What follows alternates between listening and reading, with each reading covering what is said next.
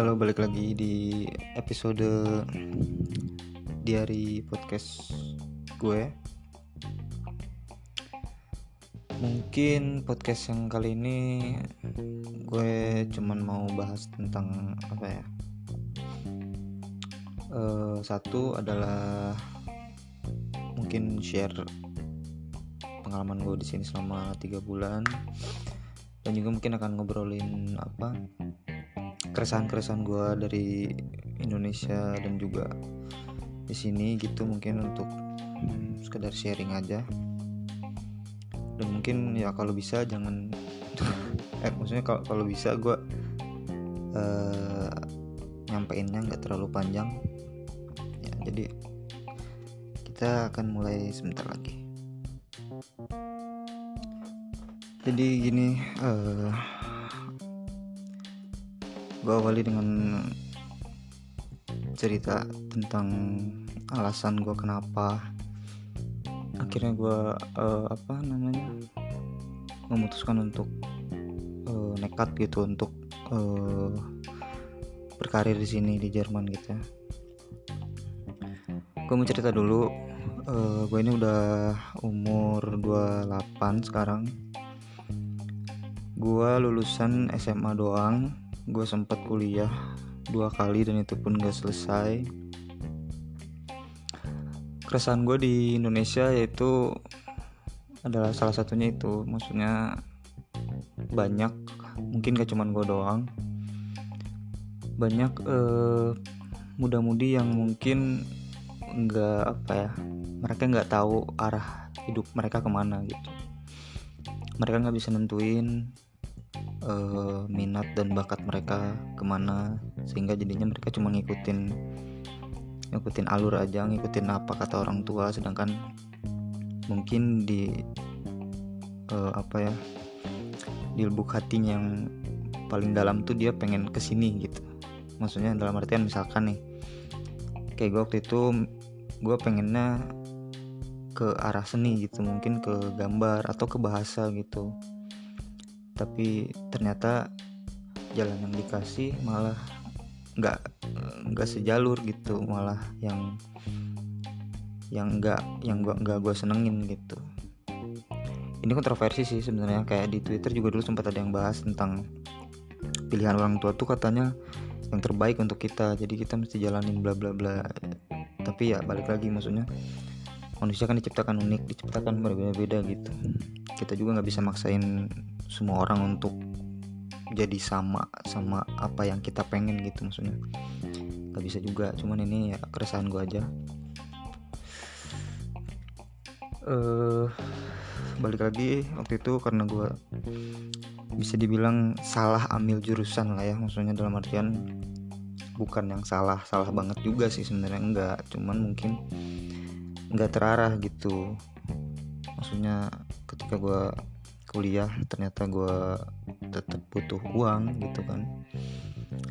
Karena uh, ya bisa dibilang perekonomian juga nggak bagus-bagus amat jadi gue mesti mesti sadar diri dan nyari uang sendiri gitu. Walaupun orang tua juga waktu itu masih sanggup untuk untuk muliahin gue gitu. Cuman di satu sisi gue butuh uang lebih gitu bukan bukan apa ya sebenarnya butuh uang lebih juga bukan untuk kayak foya-foya atau apa enggak. Cuman untuk kebutuhan yang memang gue perlu gitu kayak misalkan parfum lah ya. Maksudnya zaman zaman umur 20-an lah gitu ya maksudnya. Ingin gitu apa namanya e, menjaga penampilan gitulah. Gitu untuk menarik lawan jenis biasa lah ya.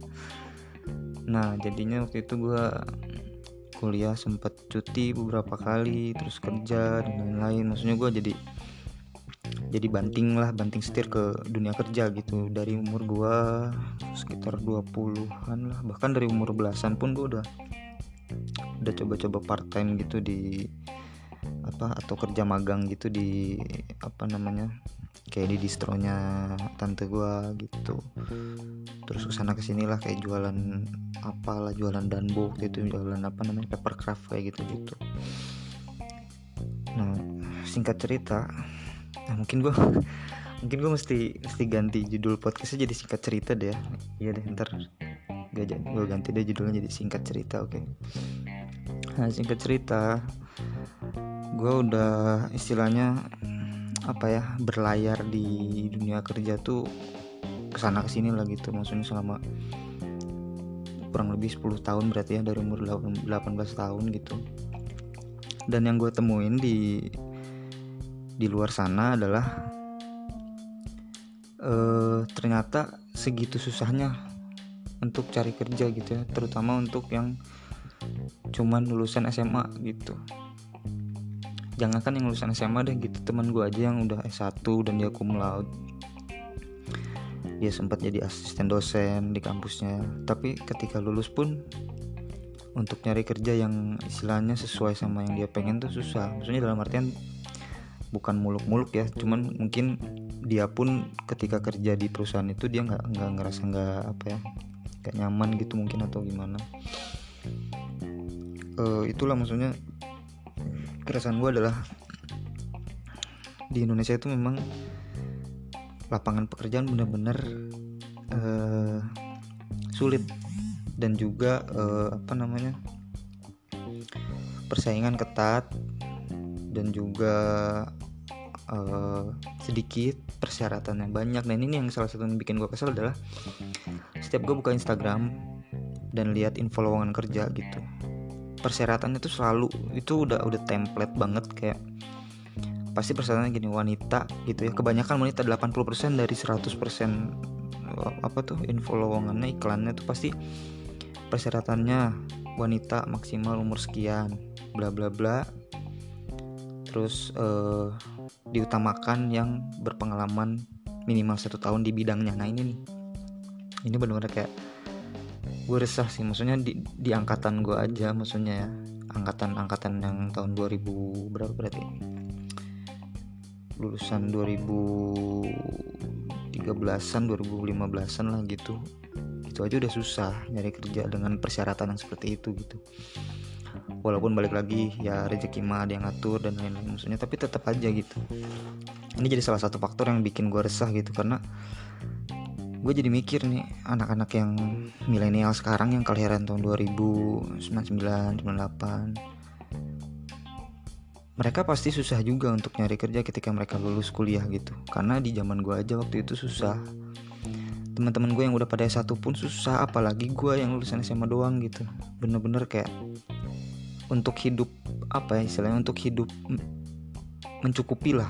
Nggak usah nggak usah muluk-muluk untuk jadi orang kaya dan gimana ya maksudnya untuk untuk mencukupi aja sehari-hari gitu di Indonesia itu susah nih minta ampun. Makanya waktu itu gue sebenarnya uh, rencana maksudnya sebenarnya uh, mimpi gue untuk uh, berkarya di luar negeri itu sebenarnya udah dari udah dari jauh-jauh sebelum itu ya dari gue SMA sebenarnya gue pengen gitu kuliah di luar negeri dan lain-lain gitu. Karena udah sadar juga waktu itu tuh kayak wah di Indonesia kayak gini gitu. Ternyata pas dijalanin selama hampir 10 tahun itu bener gitu kejadian. Maksudnya kayak susah cari kerja lah dan lain-lain. Walaupun jadi inget lagi ke apa namanya ke omongan almarhum kakek gue katanya pendidikan itu penting dan lain-lain gitu. Iya sih memang mungkin kalau aja waktu itu gue selesaiin kuliah mungkin gue akan lebih gampang nyari kerja mungkin ya. Tapi nggak ngejamin juga karena yang yang yang gue temuin di lapangan gitu teman-teman gue yang udah lulus S1 gitu. Bahkan ada yang S2 gitu. Tetap susah untuk nyari kerja karena persaingannya ketat gitu.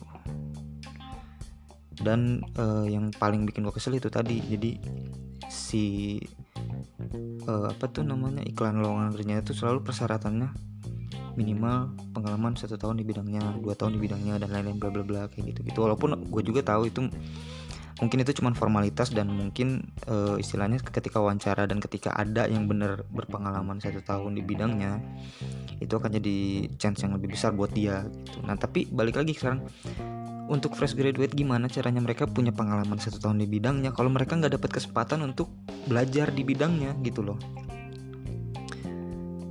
yang gue masih jadi pertanyaan sampai saat ini adalah kenapa nggak kenapa sih perusahaan nggak bisa ngasih persyaratan yang gini misalkan? Uh, oke okay lah misalkan wanita pria maksimal umur sekian gitu. Terus uh, pengalaman tidak diutamakan tapi berke berkeinginan besar untuk belajar. Nah gitu kan kita bisa menerapkan sistem kayak gini misalkan oke okay, diterima kamu belum punya pengalaman diterima training tiga bulan gitu kan setelah tiga bulan itu ditinjau tuh sama pihak ARD atau supervisor kalau kerjanya ternyata improve. Dan apa istilahnya dia belajar banyak terima tuh. Nah bisa kayak gitu. Kenapa nggak kayak gitu? Walaupun mungkin ada beberapa perusahaan yang nerapin kayak gitu ya. Cuman mungkin yang gue lihat uh, waktu itu tuh dan sampai sekarang gitu. Kemarin-kemarin gue sempat lihat lagi persyaratan-persyaratan kayak gitu. Masih tetap wanita gitu kebanyakan wanita wanita wanita. Sedangkan sekarang balik lagi yang maksudnya kodratnya gitu maksudnya uh, apa ya kodratnya laki-laki itu kan untuk mencari nafkah. Sedangkan peng, yang yang apa di iklan yang gue lihat itu kebanyakan yang dicari wanita wanita wanita. Inilah kenapa maksudnya jadi jadi gue jadi jadi mikir jadi mengkorelasikan ini dengan kasus-kasus yang terjadi di Indonesia kayak banyak pengangguran dan lain kenapa? Karena itu. Jadi secara nggak langsung uh, malah wanita yang diharuskan kerja gitu. Sedangkan laki-laki nganggur kayak gitu kan. Ini sih kacau sih buat gue makanya ketika gue nyampe di sini gue langsung kayak wah jauh benar-benar jauh beda gitu. Di sini ada sistem yang dibilang Ausbildung kayak gitu-gitu kan. Itu memang benar-benar untuk melatih calon-calon karyawan. Ini bagus sih sistem ini. Maksudnya gue bilang kenapa Indonesia nggak nggak coba gitu? Jadi nggak perlu nih gue misalnya kalau misalkan ada nih Ausbildung di Indonesia gue nggak perlu jauh-jauh ke sini gitu. Dan mungkin uh, akan mengurangi uh, apa sih namanya tingkat pengangguran jumlah pengangguran di Indonesia sih menurut gue ya. Karena uh, balik lagi kan mental orang Indo gitu. Gue juga sadar diri karena ketika ngelihat persyaratan minimal pengalaman satu tahun mereka udah mundur duluan tuh. Maksudnya dalam artian apa ya kayak ah pengalaman satu tahun gue nggak ada nih gitu. Walaupun bisa aja ada beberapa orang yang mungkin ah udah ajar aja ajar aja gitu. Tapi kan nggak semua orang kayak gitu bro. Gitu. Dan lu tahu sendiri maksudnya ini kita bukan bicara subjektif secara perorangan ya karena memang ada beberapa orang juga yang memang mentalnya udah mental juara gitu. Udah lihat persyaratan kayak gitu pun walaupun dia nggak punya pengalaman ah udah jual diri aja gitu percaya diri aja. Tapi kan gak semua orang kayak gitu. Sedangkan yang gue lihat mayoritas orang Indonesia itu kan kayak melo gitu. dari lagu-lagunya pun kan udah kelihatan ya maksudnya. Lagu-lagu yang mereka dengar juga lagu-lagu yang gitu jadi kebawa tuh. Ke alam bawah sadar mereka bawa yang senja-senja kayak gitu makanya ini jadi resah banget sih kayak kemarin gue sempat mikir ah mau gue mau bikin podcast apa ya selanjutnya gitu mungkin ngebahas tentang ini aja kali ya gitu. Agak sedikit berat sih cuman ya ini gue cerita keresahan gue aja gitu. Nah ketika ketika gue sampai di sini walaupun memang banyak juga uh, istilahnya masalah-masalah yang gue hadapi di sini gitu ya. Banyak lah gitu.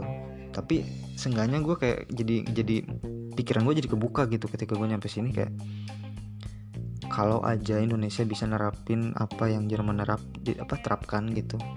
Mungkin Indonesia akan lebih cepat berkembangnya gitu. Kenapa nggak nyontok nggak nyontok negara maksudnya mungkin mereka juga udah nyontoh ya. Maksudnya pemerintah udah udah berusaha untuk untuk menerapkan sistem yang yang diterapkan di, di negara maju gitu.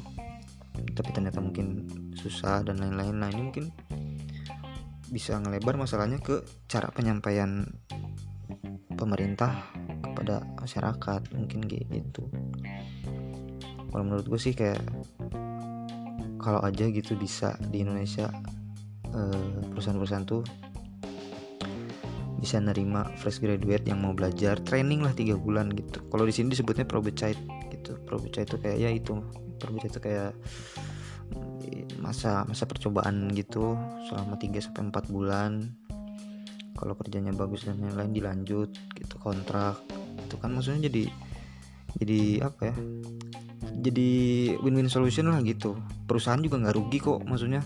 Dari masa percobaan itu kan bisa aja misalkan gini oke okay, kamu masa percobaan gaji kamu tapi belum full ya kayak gitu. Jadi kan si karyawan juga jadi terpacu tuh untuk oh ya gue harus buktiin gue bisa gitu. Ketika bisa barulah gaji full kayak gitu. Ini, nih yang yang gue lihat nih perusahaan-perusahaan ini nggak mau rugi mereka. Ya memang nggak mau rugi tapi nggak nggak ada kontribusi. Kalau buat gue pribadi ya dari dari mata gue pribadi ini perusahaan nggak ada kontribusi untuk memajukan apa memajukan pola pikir masyarakat Indonesia kalau kayak gini. Maksud maksud gue kayak persyaratannya wanita wanita lagi wanita lagi. Terus persyaratannya minimal pengalaman satu tahun di bidangnya dan lain-lain segala macam. Gue ngerti maksudnya mereka mereka pun mencari apa mencari karyawan yang cocok buat perusahaannya. Tapi gimana ya? Mereka maksudnya coba deh gini kalau misalkan mereka bisa bisa mikir maksudnya eh, si HRD-nya tuh bisa mikir gini ah gue kasih persyaratannya yang yang yang ini aja deh yang simpel aja deh gitu. Supaya eh, calon-calon karyawan ini banyak yang mau masuk gitu dan bisa diseleksi secara tetap muka langsung gitu kan dan diterapkan sistem yang tiga bulan uh, training itu kalau menurut gue ya gitu. Jadi si calon-calon karyawan ini nggak akan minder gitu. Kan bisa aja nih ada ya yang misalkan dia punya skill set yang bagus gitu. Dia uh, istilahnya misalkan di bidang apa di, di bidang desain misalkan desain grafis gitu dia bagus nih ngedit segala macam Photoshop tuh wah cepet banget tangannya dan lain-lain. Tapi ketika dia tuh baru lulus misalkan dia baru lulus dari kuliahnya dan ketika baca persyaratannya apa tuh minimal satu tahun di apa uh, satu tahun pengalaman di bidangnya misalkan kayak gitu terus dia minder nih padahal dia aset salah satu aset si, si manusia ini nih seorang ini nih. Dia ini salah satu aset yang bisa memajukan perusahaannya. Tapi dengan si perusahaan itu masang iklan yang kayak gitu si karyawan ini jadi minder gitu. Maksudnya minder tuh bukan dalam arti minder gimana ya? Ah si perusahaan ini nyarinya yang pengalaman. Udah deh nggak gue ambil. Nah kayak gitu. Padahal kan kalau misalkan nggak gitu dia bisa aja nih ngelamar. Terus ternyata uh, pas masuk di perusahaannya dia bagus gitu ternyata dia bisa memajukan perusahaannya bisa memajukan perekonomian Indonesia dan lain-lain gitu. Kan lebih lebih enak gitu. Nah ini nih gue juga nggak tahu ya maksudnya gue kayak ngomel-ngomel gini pun kayaknya berasa percuma gitu. Cuman mungkin gue berharapnya dari satu atau dua telinga yang dengar uh, podcast gue ini bisa terbuka lah mindsetnya gitu. Mungkin uh, bisa disampaikan juga ke beberapa orang dan mungkin nanti nyampe ke telinga salah satu bos perusahaan dan ternyata oh iya bener juga gitu. Karena bukan apa ya maksudnya gue bukan bukan kayak ngejelekin Indonesia. Enggak gue cinta tanah Indonesia gue cinta. Itu cuman dari sistem dari pemerintahan ini gue bener-bener kayak nggak habis pikir gitu. Kayak sumpah nggak habis pikir maksudnya lagi pandemi sekalipun kayak mereka ada aja yang korupsi gitu. Aneh. Udah banyak pengangguran susah cari kerja ada dana bantuan dari pemerintah pusat dikorupsi juga. Ini aduh. Terus gue, tadi barusan nih uh, sekarang tanggal 6 Februari 2021 di sini jam 15.48 barusan gue lihat Twitter terus baca ada satu salah wah ada salah satu berita bilang bahwa eh, pandemi di Indonesia eh, akan ya, diperkirakan akan berakhir 7 sampai 10 tahun lagi katanya. Buset. gue selesai kontrak di sini tiga tahun gak akan bisa balik ke Indo dong kalau kayak gitu. Maksudnya bukan bukan gak bisa ya maksudnya. Gue jadi mikir gitu, oh kalau di Indonesia pandemi belum beres, gue ngapain pulang gitu. Sedangkan gue sebenarnya pengennya sih kayak udahlah di Indo aja gitu. Karena di sini pun ternyata uh, gimana ya uh, tau deh pokoknya gue lebih cinta tanah Indonesia sebenarnya. Walaupun ya tadi balik lagi plus minus lah ya gitu pemerintahan dan sistemnya gitu. Tapi sih gue pengennya udahlah gue nabung di sini terus gue pulang ke Indo buka usaha hidup tenang lah gitu sama istri di sana. Walaupun awalnya sih rencananya kan tadinya gue pengen sama istri itu di sini tinggal di sini terus berkeluarga di sini punya anak di sini. Tapi balik lagi ternyata pas kemarin gue tonton salah satu YouTube ada tuh uh, dia wawancara sama anak blasteran jadi anak blasteran nih nyokapnya uh, orang Indonesia Muslim. Bokapnya orang Jerman uh, udah nggak ada udah nggak beragama katanya gitu. Dan ternyata dia cerita uh, bahwa dia tuh salah satu anak yang beruntung karena uh, mamanya bisa ngajarin apa istilahnya agama ke dia gitu. Tapi gue pikir ini nyokapnya berarti emang emang bisa dia ngedidik anaknya gitu. Dan gue kayak gue belum sampai situ sih. Cuman kayak mikir kayaknya wah kayaknya bakal susah kalau misalkan untuk uh, ngebesarin anak di sini. Maksudnya susah dalam artian bukan secara materi ya. Karena gue percaya uh, kalau secara materi di sini kan ada subsidi dari pemerintah gitu untuk kalau punya anak katanya. Itu juga masih katanya. Cuman yang gue lebih khawatirin adalah pendidikan Islamnya pendidikan agamanya gitu di sini. Gitu ya salah satu caranya adalah ya gue sama istri mesti lebih taat lagi gitu. Cuman tetap aja ngedidik anak tuh nggak gampang sih menurut gue karena gue lihat orang tua gue juga kan ngebesarin gue kayak gimana susah gitu. Itu sih maksudnya salah satu salah satu salah dua keresahan gue terhadap kayak Indonesia gitu ketika gue udah di sini gitu. Dan uh, gue sadar gue baru tiga bulan di sini dan mungkin gimana ya gue nggak bisa sih ngebanding bandingin sama sama teman-teman gue yang lain di sini gitu. Karena mungkin mereka pun punya cerita masing-masing kan gitu. Ini gue secara subjektif aja karena kalau secara general ya gimana ya hidup di sini bisa dibilang enak gak enak gitu. Tapi kalau gue pribadi selama tiga bulan di sini gue pribadi baru tiga bulan aja udah banyak masalah gitu. Maksudnya bukan masalah yang gimana teman masalah yang memberatkan eh, gue untuk menjalani hari-hari gue gitu. Kayak ya gue nggak bisa jelasin satu-satu di sini cuman intinya uh, mungkin ada beberapa orang yang beruntung ketika sampai sini mereka dapat perusahaan yang bagus yang baik gitu.